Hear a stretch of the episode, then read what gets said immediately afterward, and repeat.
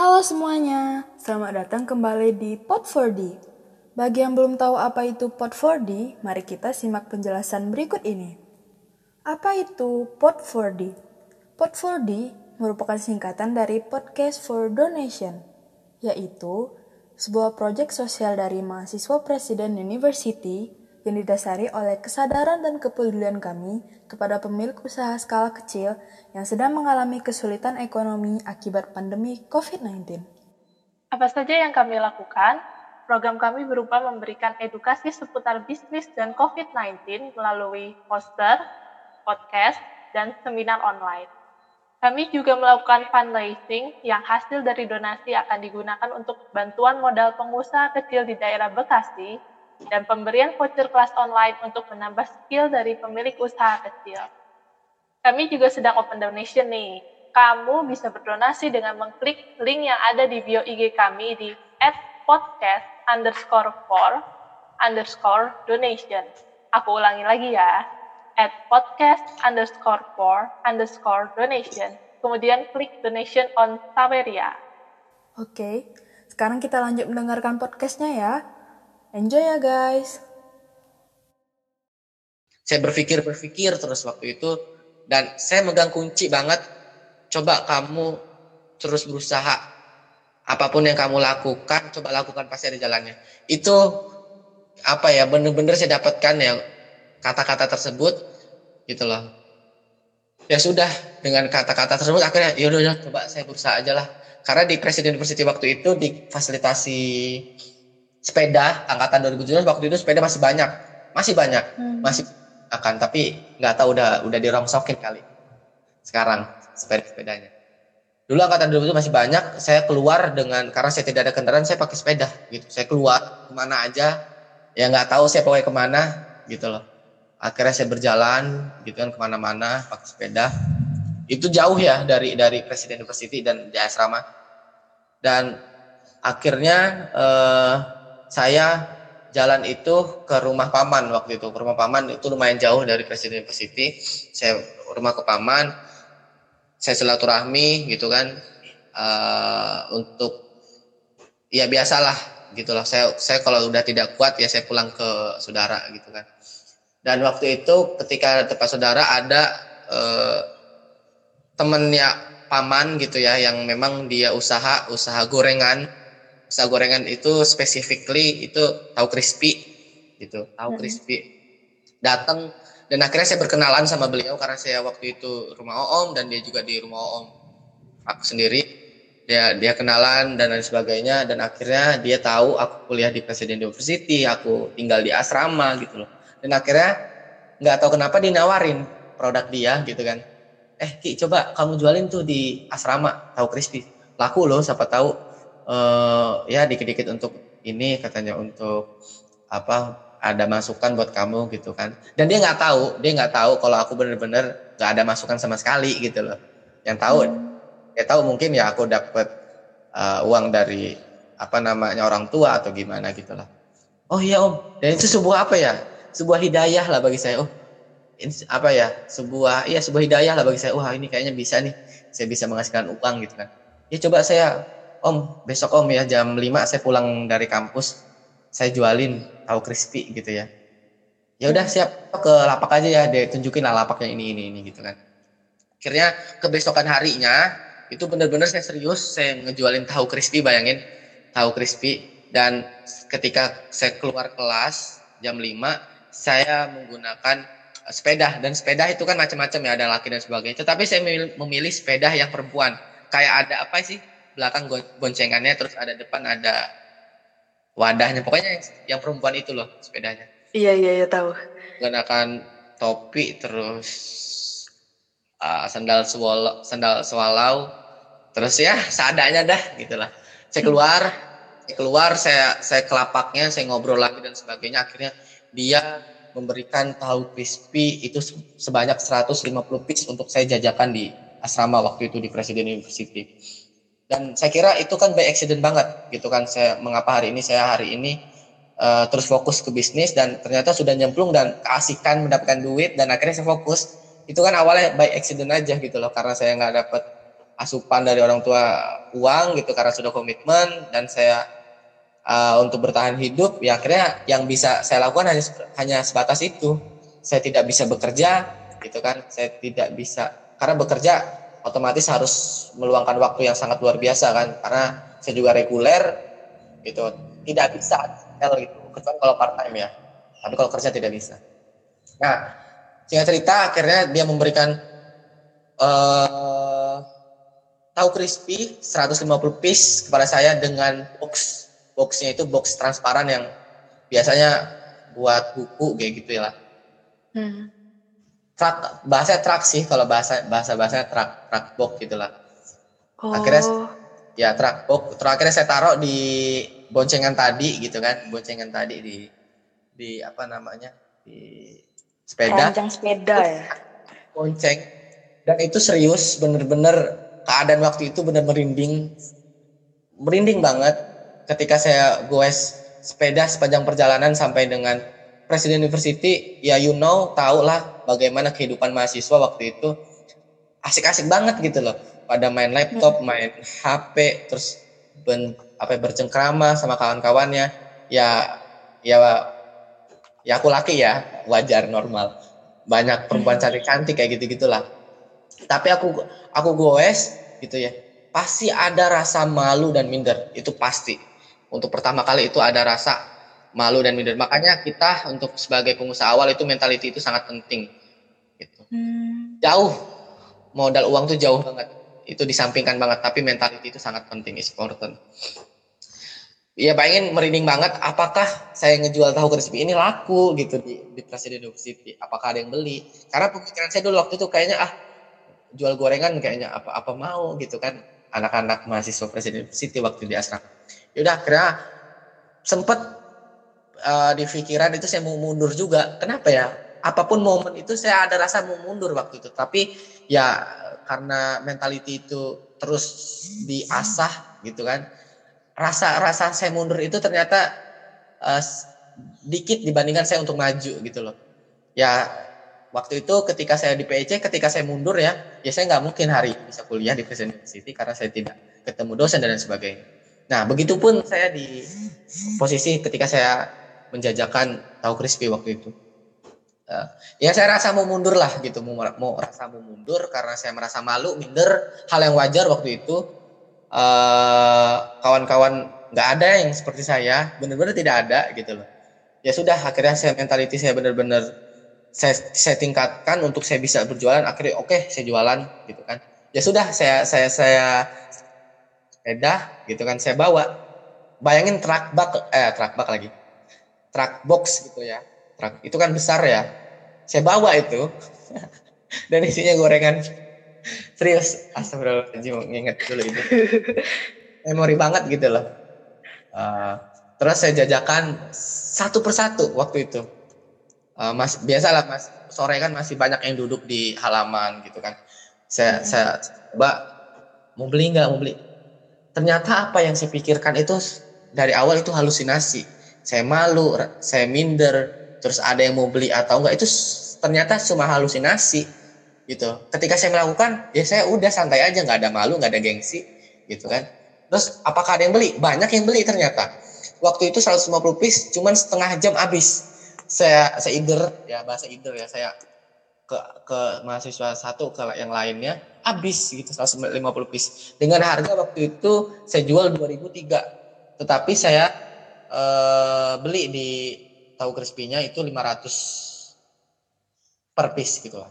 Nah, di situ eh, ini karena by pengalaman ya, by experience dalam pengusaha awal itu benar-benar menurut saya tiga men, tiga uh, modal yang sangat besar untuk harus bisa kita bisa kita miliki untuk kita menjadi pengusaha awal apalagi mahasiswa yang pertama mindset yang kedua mental yang ketiga kejujuran nah mungkin saya jelaskan karena by experience saya waktu itu mindset mindset ketika kita mulai usaha itu uang itu bukan di awal uang itu bukan utama karena untuk menjadi pengusaha awal tanpa modal itu ada saya sudah terbukti.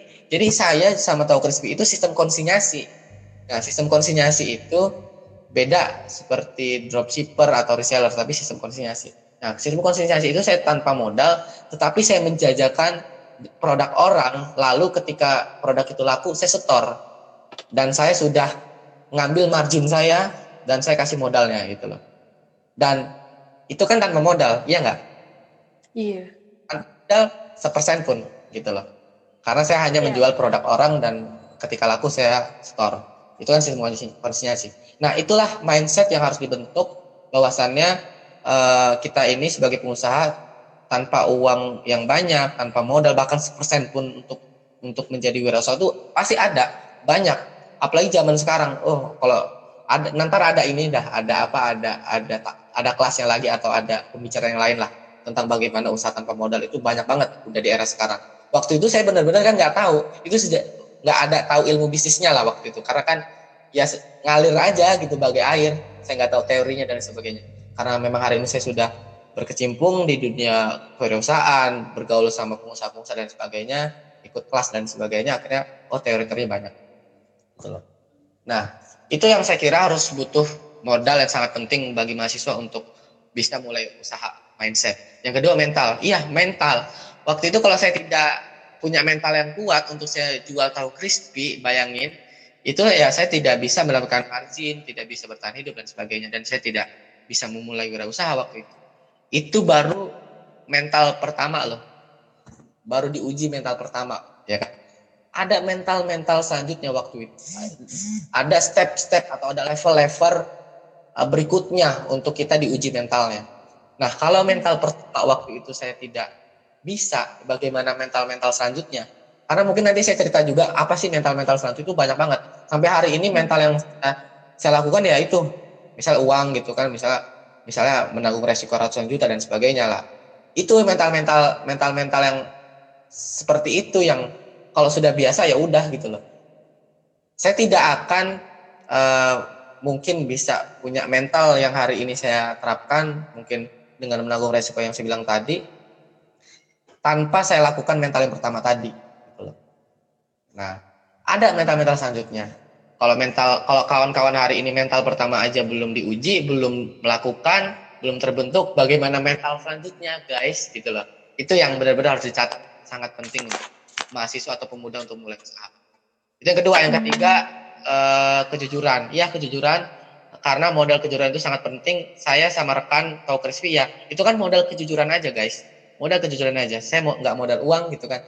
Modal kejujuran dalam arti dia percaya sama saya, gitu kan mengasih produknya, terus memberikan produknya dan store sistem store dan sebagainya. Itu kan modal kejujuran. Dan itu kejujuran itu harus dijaga sepanjang perjalanan kita berbisnis. Gitu loh. Makanya diutamakan banget itu kejujuran. Nah, saya kira untuk pengusaha awal atau mahasiswa yang baru memulai usaha, coba diterapkan tiga modal besar ini dulu. Sebelum ada lagi modal-modal yang sangat luar biasa. Nah, kalau teman-teman sudah berjalan, sudah sudah tersistem gitu. Mungkin sudah autopilot dan sebagainya dalam bisnisnya gitu ya. Nah, baru gitu loh modal-modal uang tuh ya ternyata ya sangat penting juga gitu. nggak bakal maju juga kalau nggak ada uang. Cuma kan untuk modal awal gitu loh yang saya bilang untuk untuk pertama kali uang itu tidak tidak terlalu penting gitu loh. Tetapi ketika sudah sepanjang perjalanan waktu dalam berbisnis ya uang sangat penting bro. Sangat penting. Kita cari investor dan sebagainya gitu loh.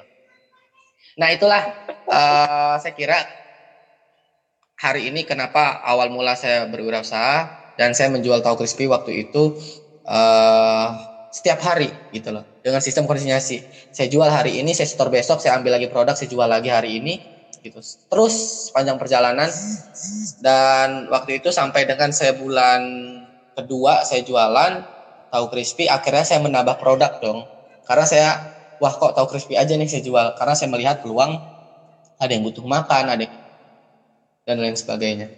Akhirnya saya pelan-pelan dengan sistem yang saya terapkan tanpa modal tadi konsinyasi saya cari rekan bisnis selain tahu crispy. Ya ibarat mah ekspansi lah gitu walaupun kecil-kecilan. Terus saya cari catering terus saya cari uh, mie mie mie gitulah kayak mie goreng mie indomie dan sebagainya. Terus uh, teh tarik. Terus apa lagi kemarin ya? Ya itulah itu itu doang kayaknya. Dengan sistem konsinyasi tanpa modal gitu ya. Dan akhirnya saya menjual tidak hanya tahu crispy saya menjual berbagai produk yang saya kira saya bawa bawa bawa barangnya itu mungkin orang ngelihatnya apa ya? Truk box awal itu saya jual satu, satu box satu truk box doang ya tetapi sepanjang perjalanan saya bawa dua karena nggak muat gitu loh. Bawa dua di tangan kanan di tangan kiri saya dan di atas truknya lagi di tingkat gitu ya. Itu produk produk produk saya semua gitu loh. Artinya ketika saya bawa bawa itu muka saya itu ketutupan badannya ketutupan gitu loh. Boxnya kedua tangan kanan kiri saya bawa makanan gitu loh. Dan produk saya dan sejual gitu loh. Dan itu saya setiap hari uh, apa ya door to door ya makanya hari ini alhamdulillah angkatan 2017 terutama yang laki ya terutama yang male itu pasti kenal saya. Itu pasti kenal saya. Rizky Musin pasti kenal. Ini bukan sombong ya. Cuman karena saya iya. setiap hari door to door bayangin orang tuh pasti tahu saya gitu loh. Door to door saya entah dia beli atau enggak saya saya saya saya door to door gitu loh. Kalau enggak ya udah lanjut ke pintu selanjutnya. Itu pasti kenal saya 2017 waktu itu saya belum terkenal di dunia organisasi waktu itu kan. Saya saya masih saya masih belum aktif banget uh, sebagai organisasi. Uh, saya terkenal hanya sebagai penjual tahu crispy gitu. Mulai dari akhirnya pelan-pelan uh, kok saya namanya berbisnis ya pasti harus ada ini dong improvisasi ada ya banyak lah teknik-teknik dalam berbisnis. Terus kok saya nggak efisien terus kok saya capek sendiri akhirnya pelan-pelan saya mencari rekan untuk mahasiswa ya untuk bisa dagang bersama saya dan saya kasih margin juga gitu loh keuntungan dan akhirnya ada saya cari-cari cari-cari cari-cari ada ternyata tiga orang dua perempuan satu laki-laki yang benar-benar mau jualan produk saya gitu loh. Padahal saya juga tanpa modal ya gitu loh. Hmm. Tapi rahasia dapur nggak saya saya kasih tahu dong namanya bisnis.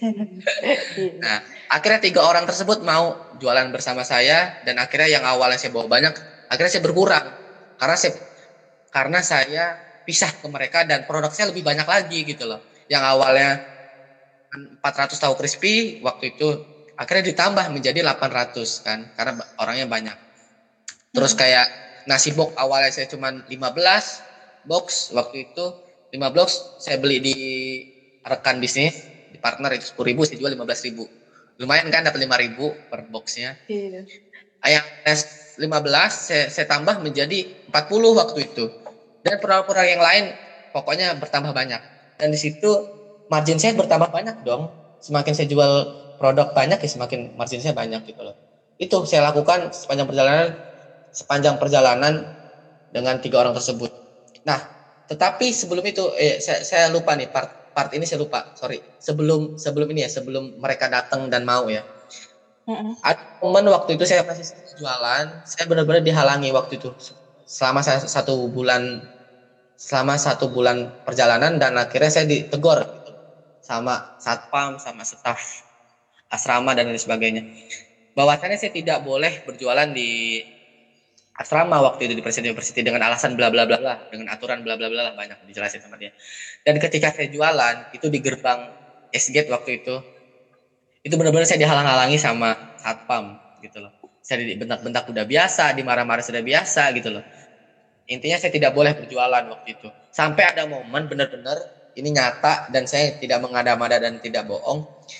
Saya nggak boleh dan dipaksa. Eh, dan saya memaksa untuk saya jualan waktu itu kan. Karena udah sering banget ditegur tapi kok orang ini masih jualan gitu kan. Dan dia nggak tahu hmm. gitu, kenapa saya jualan seperti ini. Akhirnya saya saya apa namanya paksa mak saya paksa masuk walaupun dia marah-marahin eh ternyata dia ngejar dong. Satpam ini ngejar. Bayangin saya bawa bawa produk dia ngejar saya gitu. Saya, saya jualan. Lari benar-benar sampai lantai dua. Bayangin sampai lantai, langsung dipegang badan aku gitu ya badan aku. Dan aku benar-benar ditangkap sama si satpam itu. Akhirnya dimarahin hmm. bla bla bla bla lempar akhirnya saya menjelaskan e, pak ini saya sudah beli ya ya bohong-bohong dikit lah gitu lah. Bu hmm. eh pak saya sudah sudah sudah apa sudah beli produk ini gitu loh. Saya harus menjajakan gitu gitu loh bahasanya kan. E, kalau saya tidak jualan nanti gimana nih gini produk saya udah beli loh gitu loh. Padahal kan nggak beli. Kan situasinya sih yang tadi gitu loh ya bohong-bohong dikit lah Terus, oh gitu ya udah hari ini saya kasih waktu kamu jualan ini besok gak usah lagi gitu loh akhirnya. Oh iya siapa ya saya kalau saya siap-siap aja gitu loh. Akhirnya udah lolos waktu itu saya, saya, saya habis juga uh, di hari itu. Dan besoknya ketika siang hari waktu itu saya pulang pulang pulang kuliah pulang kelas saya dipanggil sama pimpinan presiden university waktu itu Pak Yusuf Effendi mungkin kawan-kawan nggak tahu nih 2019 tahu atau enggak yang hmm. yang perempuan. Karena yang saya tahu perempuan tinggal di pus nah uh, terus Yusuf Effendi sekarang dipindahkan di New Beverly Hills gitu. Yusuf Effendi itu kepala uh, mahasiswa ke mahasiswa kepala kemahasiswaan asrama lah waktu itu. Ibarat kampus itu kayak SA gitu lah student activity. Hmm. dia kepalanya dia akhirnya memanggil saya di ruangannya gitu. Karena saya sudah membuat onar gitu loh.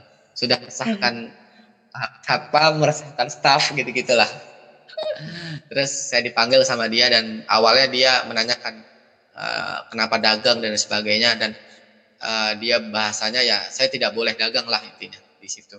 Karena ada aturan dan sebagainya. Ya saya merasa gimana dong dengan keadaan saya waktu itu ya saya hanya bisa melakukan itu aja gitu loh. Akhirnya Pak Effendi uh, saya bilang sama beliau, saya menjelaskan panjang kali lebar perjalanan hidup saya ketika awal saya kuliah presiden universitas seperti apa, terus saya mau drop out gimana dan sebagainya panjang lah waktu itu. Akhirnya yang tadinya dia melarang saya gitu kan, yang tadinya awalnya uh, mencegah saya untuk dagang dan dan lain-lain itu, akhirnya dia berkaca-kaca lah waktu itu. Ini ini ini momennya haru ya, sedikit haru. Gitu hmm. berkaca oh gitu ya. Oh ya udah ki. Intinya adalah ketika obrolan terakhir oh ya udah ki kamu buat MOU bahwasannya kamu kamu mau uh, dagang di sini dengan ada aturan bla bla bla bla ditandatangani saya sama kamu dengan materai 6000 gitu kan. Ya sudah saya melakukan itu buat surat dan sebagainya. Saya setor ke beliau ditandatangani dan saya fotokopi dan saya sebar ke para satpam. Dan satpam di hari itu juga satpam tidak pernah melarang saya lagi karena saya sudah diberikan izin gitu kan secara tanda tangan. Dan itu dan hari ini saya masih masih ini kalau kalau saya ketemu sama Pak Yusuf saya ketemu sama Satpam hari ini yang awal yang ngejar saya yang awalnya itu marah-marah saya saya udah bersahabat sama dia. Dia dia dia hari perjalanan saya waktu waktu itu ya alhamdulillah saya diamanahkan waktu itu menjadi ketua Jairul Ma'ala jadi yang 2017 Nah, ada acara-acara besar ya dia tahu oh ketuanya di sini. Artinya dia tahu perjalanan saya yang waktu itu saya belum aktif di mana-mana, masih jualan dan sebagainya dan ada momen saya waktu itu aktif organisasi dan akhirnya saya menjadi ketua di rumah Allah dan beliau-beliau itu tak tahu akhirnya yang awalnya ya intinya adalah dia respect lah respect dengan pencapaian waktu itu ya itu ya saya dagang terus saya organisasi juga dan ternyata pelan-pelan dia tahu keadaan saya itu seperti apa gitu loh.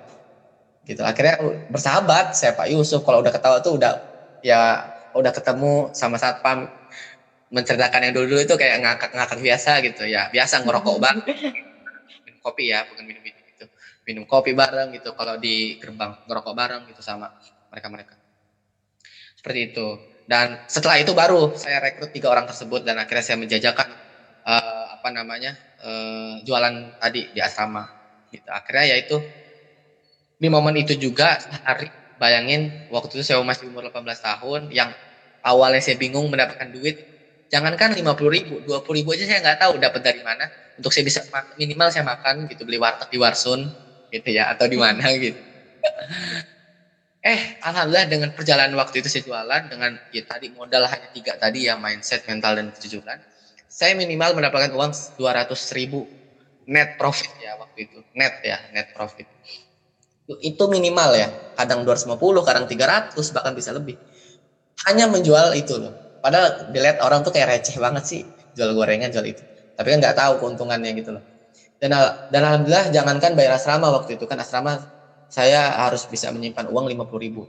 Ya alhamdulillah saya pelan-pelan saya bisa beli baju beli tas beli apa namanya uh, sepatu dan sebagainya di dalam perkuliahan dan akhirnya dengan momen seperti itu saya sudah bisa pede gitu bisa percaya diri karena saya megang uang terus outfit saya juga nggak ya nggak nggak kampungan banget gitu kan Terus saya karena saya pelan-pelan abu beli lah gitu kan.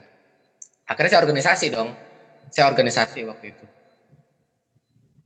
Dan alhamdulillah organisasi di Presiden University ya eh, apa namanya di Zermala dan tiba-tiba saya ditunjuk menjadi ketua dalam pemilihan gitu loh. Yang awalnya gitu saya merasa minder kepada teman-teman saya sendiri karena dia difasilitasi sama orang tuanya yang luar biasa lah gitu.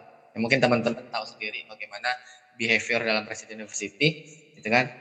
Eh, Iya. ternyata ketika momen itu saya mendapatkan uang juga dan ada fasilitas yang menunjang saya dengan tangan saya sendiri dan berorganisasi dan ternyata alhamdulillah orang-orang yang saya merasa mi- itu minder eh malah beliau-beliau itu yang ternyata nanya ke saya gitu loh.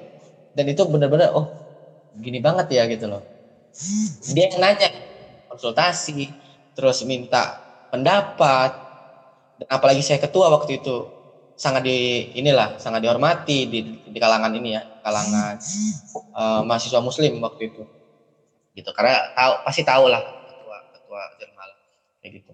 Iya. padahal dulu saya jangankan saya deket sama dia saya jem- jangankan saya ngobrol sama dia saya deket aja malu gitu. Eh tiba-tiba malah beliau-beliau itulah yang saya merasa minder itu malah mereka yang deketin saya dan kayak berbalik gitu loh gitu loh. Dia yang menanyakan konsultasi dan sebagainya minta nasihat gitu gitu lagi. Dan seperti itulah kehidupan asal kita terus berproses pasti ada momen di mana kita akan capai tapi hari ini saya juga masih berproses. Saya tidak melulu berjumawa atau ap- apa pun. Saya benar-benar masih kecil gitu masih benar-benar masih berproses. Toh saya juga masih mahasiswa belum lulus. Dan saya melihat orang-orang yang saya bergaul di HIPMI, Himpunan Pengusaha Indonesia, di Kadin, Kamar Dagang Industri, di Japnas, Jaringan Pengusaha Nasional dan sebagainya, melihat orang-orang tua yang sudah sudah sukses dan sebagainya, saya terus berproses. Karena saya masih merasa kecil gitu dibanding lingkaran-lingkaran saya yang sangat luar biasa perusahaannya. Seperti itu. Itulah sedikit perjalanan kenapa hari ini saya memulai bisnis waktu saya mahasiswa Presiden University. Seperti itu. Kira-kira ada yang mau ditanyakan lagi nggak nih? Ini sebenarnya panjang banget nih ceritanya. Ada part-part lagi sebenarnya. Cuman kayaknya udah panjang banget nih. Iya. Takutnya Nah, jadi- podcastnya sangat panjang banget. Bisa sampai 2 jam, 6 jam mungkin kan. Kalau udah di. Eh, kena kayak mana ya kak? Eh, pertama kali kakak bisa kepikiran mau apa ya mau eh, dirikan musin grup bisa ngikut HIPMI itu gimana sih kak pertama kalinya gitu? Oke, siap. Eh, sebenarnya Muslim Group itu eh itu impian besar saya. Jadi bisnis saya hari ini eh, ya kuliner, terus general trading, PT Musin Lestari Indoutama. Nah itu yang holding company-nya Musin Group. Tetapi belum besar banget ya. Mm-mm. Kayak Kala Group, Ciputra Group itu kan udah, udah luar biasa pak. Kita mampu memutar hidup. Cuman itu adalah Musin Group itu adalah impian besar saya. Ketika terus saya berproses, ketika bisnis saya itu nggak cuma satu, banyak dari konstruksi dan sebagainya, properti. Holding company apa Musin Group? Nah, eh, kenapa pertanyaannya saya bisa berambisi dan sampai hari ini saya terus berproses dalam dunia bisnis. Itu yang pertama by accident waktu itu dan saya nyemplung waktu itu dan akhirnya saya kesenangan mendapatkan uang. Oh, gila ya. Saya kalau usaha ternyata bisa dapat duit segini. Padahal itu ma- masih receh ya waktu itu, masih receh ya. Eh, maksud maksud gua, maksud aku nggak receh sih, maksud gua, maksudku dibanding orang-orang yang lain gitu, uang itu kan receh gitu loh. Kalau menurut aku ya sangat Iya. luar biasa. Itu 250 itu sangat luar biasa. loh. Orang mikir 20 ribu aja susah dapetinnya. Nah, menurut orang itu receh lah gitu. Uang 250 itu net profit ya. Omset ya sekitar 600 700 atau berapa waktu itu, lupa. Nah, eh, akhirnya saya kesenangan. Bayangin 250 sehari kali taruhlah kali 27 berapa itu pendapatan? Hmm, banyak kak. ya, lumayan. Padahal saya jualan itu kan dari jam 5 sore sampai Isa ataupun paling lama jam 8. Artinya cuman berapa itu jam 6, 7, 8. 3 jam, kadang nggak nyampe. Dapat duit segitu gitu loh. Capeknya cuman sebentar, akhirnya kan bisa istirahat. Selesai jam 8 itu kan. Pokoknya paling lama jam 8 waktu jam 8 malam. Dan nggak nggak mengganggu aktivitas saya sebagai mahasiswa dan organisasi toh cuma tiga jam cuma dapat duit segitu wah ternyata itu motivasi awal saya lah. Lah saya cuman gini dapat duit gini apalagi nanti saya berbisnis yang lain ya begini pokoknya apa ya, bayangan saya udah sudah nganar lah eh, sudah nganar apa bahasanya sudah sudah terbang Jauh. nama Iya. oh lah. Wah kalau saya begini ini pasti begini oh gitu gitulah intinya. Dan akhirnya saya sudah nyemplung padahal nyemplungnya itu kan by accident ya akhirnya yaudah saya sekali gitu loh. Akhirnya oh coba saya saya searching di di YouTube. Akhirnya dari situlah saya memulai belajar ilmu bisnis. Karena tidak dipungkiri ilmu bisnis itu sangat penting lah dalam dunia bisnis. Gitu kan? Dan jaringan itu makanya dalam konsep saya berbisnis pengusaha itu apa sih? Pengusaha sama dengan ilmu kali jaringan. Semakin ilmu bisnis kita itu bertambah semakin bisnis kita juga akan maju. Dan ditambah lagi jaringan. Ketika jaringan kita luas semakin uh, bisnis kita juga akan besar-besaran lah semakin jaringan kita luas. Artinya market kita partner kita itu kan lebih jauh lebih banyak dan lebih besar lagi gitu loh. Tidak melulu di situ-situ aja. Dan akhirnya saya belajar di YouTube ilmu bisnisnya. Saya ingat betul ubc.com banyaklah referensi. Dari saya Budi, DWK Prayoga dan lain sebagainya. Uh, YouTube YouTube channel berbau ilmu bisnis. Dan saya juga nyari uh, mana sih lingkaran-lingkaran pengusaha-pengusaha itu apa? Uh, apakah ada komunitasnya? Apakah ada organisasinya? Akhirnya ada banyak gitu kan. Ada EU ya Entrepreneur University ada TDA ada Jaknas Kadin HIPMI dan lain-lain. Banyak banget. Akhirnya saya ikutin. Saya ikutin. Saya saya hari ini menjadi pengurus TDA saya juga banyak kenalan di Kadin di Jaknas di JCI di HIPMI. Pokoknya lingkaran yang benar-benar behaviornya itu bisnis saya ikutin gitu loh ya pelan-pelan di, di samping saya uh, belajar ilmu bisnis saya juga memperluas jaringan saya. Dengan saya berorganisasi seminar dan sebagainya.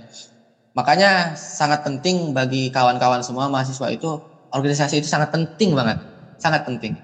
Karena dalam organisasi itu kadang-kadang uh, di akademik kita tidak bisa dapatkan selain di organisasi gitu kan.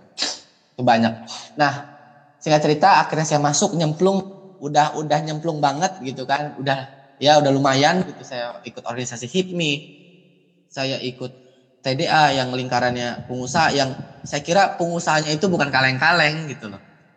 Pengusahanya bisa dibilang saya di lingkaran orang yang paling tergembel dan paling kecil dalam perusahaan karena yang lain perusahaannya benar-benar ada misalnya ada dia punya lini bisnis area cargo, uh, cargo misalnya ya. Ya dia ratusan mobil kayak trailer terus kayak wingsbox gitu-gitu ya. Ada ribuan mobil pun ada gitu. Pokoknya macam-macam. Ada yang anaknya pejabat banget yang bisnisnya developer yang perumahannya banyak. Pokoknya artinya di, di lingkaran seperti itu pengusahanya pengusaha yang besar yang sangat luar biasa. Dan hari ini pun saya masih dimentori dan saya masih belajar sama mereka-mereka dan kalau kita sudah masuk di jaringan tersebut dan akhirnya saya termotivasi dong, wah keren ya abang ini pengusaha begini begini begini. Karena kita tahu dia dan kita lihat, kita tahu rumah dia, kita tahu aktivitas dia gitu kan. Ya rumahnya ya tahu sendiri lah pengusaha seperti apa, aktivitasnya itu fleksibel banget, enak banget. Terus kalau di luar ya dihargain, punya karyawan banyak ketika di kantor itu bener-bener gila. Karyawannya banyak dan hormat banget sama orang itu. Kalau masih muda gitu loh. Ya under oh. 30 under 30 bahkan ada juga lah di atas 30 macam-macam. Nah di situlah saya termotivasi. Akhirnya saya terus berproses punya usaha karena itu. Karena saya sudah lingkaran dan sudah artinya sudah nyemplung banget lah. Ibarat kalau uh, saya deket kolam renang waktu itu saya kecipratan doang gitu loh belum nyemplung nih tetapi saya sudah nyemplung doang oh yaudahlah asik-asikan di sinilah gitu seperti itu. Oh iya kak. Ya Kalau sangat dong, sangat. Semua ini, semua pengusaha hari ini itu ini uh, kebanyakan lah itu pasti berdampak. Mungkin ada yang nggak berdampak, bahkan ada yang uh, omsetnya malah lebih banyak. Itu mungkin beberapa lini doang. Mungkin kayak farmasi misalnya, itu kan yang lagi dibutuhkan sekarang. Cuman di bidang-bidang lain itu benar terdampak. Uh, mungkin cerita dari saya, saya juga punya bisnis catering waktu itu. Karena singkat cerita, pada saat saya jualan nasi box waktu itu yang cuman ya sedikit berapa box doang, akhirnya terdengar sama mahasiswa, terus sama dosen, dan akhirnya mereka tahu saya saya jualan catering gitu. Padahal padahal saya nggak ada bisnis catering, saya hanya konsinyasi kan. Akhirnya dari event-event kayak CNC ataupun kampus akhirnya pesan ke saya gitu loh. Dan oh ternyata cateringnya lumayan juga ya. Kalau sekali event ratusan box gitu kan. Bahkan ada waktu itu seribu box waktu itu per hari. Artinya omsetnya luar biasa gitu kalau ada ada proyek-proyek seperti itu. Akhirnya saya terjun juga ke dunia catering. Ya sampai hari ini sih sebenarnya. Sepanjang perjalanan saya masuk catering ke Pemda pemerintah daerah dinas-dinas hotel-hotel. Karena saya punya jaringan PHRI Perhimpunan Hotel dan Restoran Indonesia di mana GM GM hotel-hotel uh, di Kabupaten Bekasi itu tergabung di situ dan akhirnya saya masuk ke jaringan tersebut dan akhirnya saya kenal sama GM-GM hotel dan hotel itu pasti membutuhkan catering dari luar untuk untuk boxnya. Karena untuk untuk kapasitas besar dia tidak melayani. Artinya dia memesan catering dari luar. Nah saya saya lebih segmentasinya karena modal saya juga tidak banyak ya. Modal tidak saya banyak. Saya menargetkan itu event-event dari wedding organizer, dari event daerah, uh, pemerintah daerah, event hotel, event kampus, event rumah sakit, event organisasi, apa pun event-event bentuknya bisa pesan ke saya catering, gitu kan?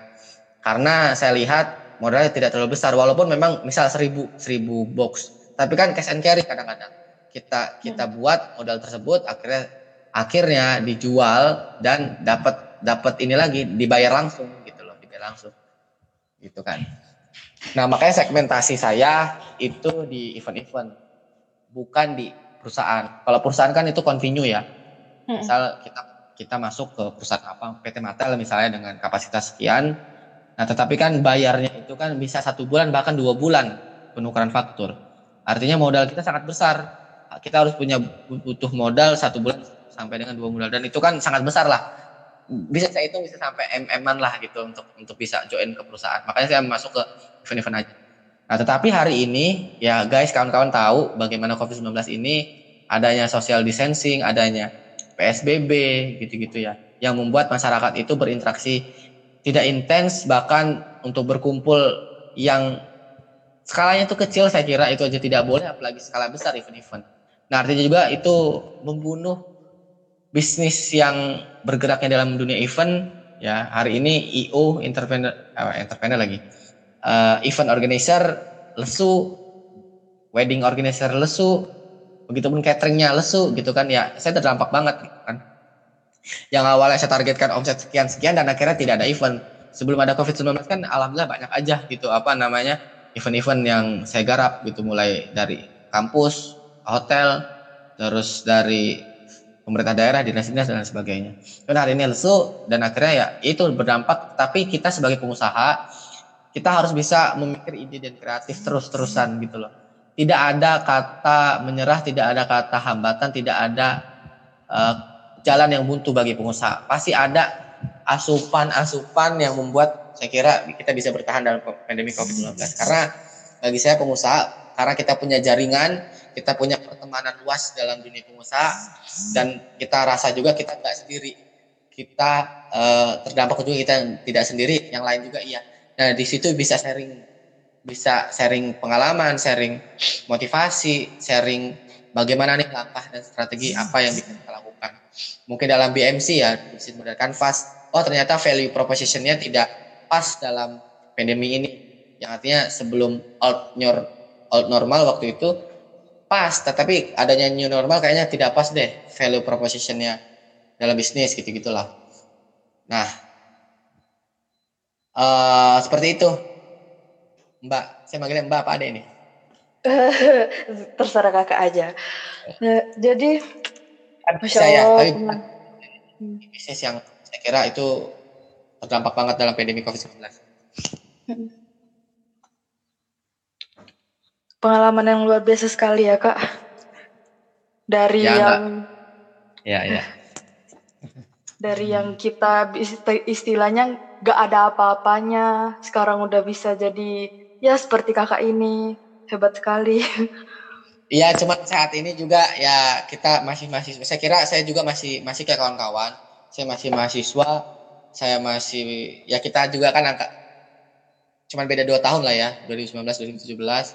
Iya. Ya masih aja juga terus uh, dalam keadaan seperti ini apalagi ditambah lagi. Cuman saya nggak nggak kaget sih, nggak kaget nggak kaget hidup yang kayak gini gitu karena memang sebelumnya kan susah juga gitu loh. Sudah terbiasa. Ya artinya saya juga belum belum sukses banget, belum besar banget, tetapi saya punya modal modal semangat gitu loh. Orang belum tentu punya modal semangat semangat saya. Oke, orang boleh punya modal finansial yang kuat, modal jaringan orang tuanya yang besar, artinya dia misalnya anak tokoh, anak pejabat atau siapa, dia punya segala fasilitas yang menunjang untuk kesuksesan dia. Oke, saya nggak punya, tapi modal semangat saya yang luar biasa itu saya punya. Belum tentu orang juga belum punya itu sih saya percaya itu hmm. uh, oke okay, kalau kayak gitu kita masuk ke closing aja ya kak oke okay, siap jadi ya kami berharap semoga bisnis kakak bisa terus berkembang Uh, terima kasih banyak juga kakak udah mau hadir di podcast ini, udah mau berbagi tips yang berharga buat kami. Ya apalagi di masa pandemi ini perekonomian juga sedang surut-surutnya gitu kan. Iya. Ini ya betul-betul pengalaman itu guru yang paling terbaik lah kak. Betul. Nah jadi sekali lagi terima kasih kepada Kak Musin karena udah hadir di sini. Siap. Nah baik kita tutup saja acara podcast kita hari ini. See you on the next podcast ya. Stay tune dan bye bye.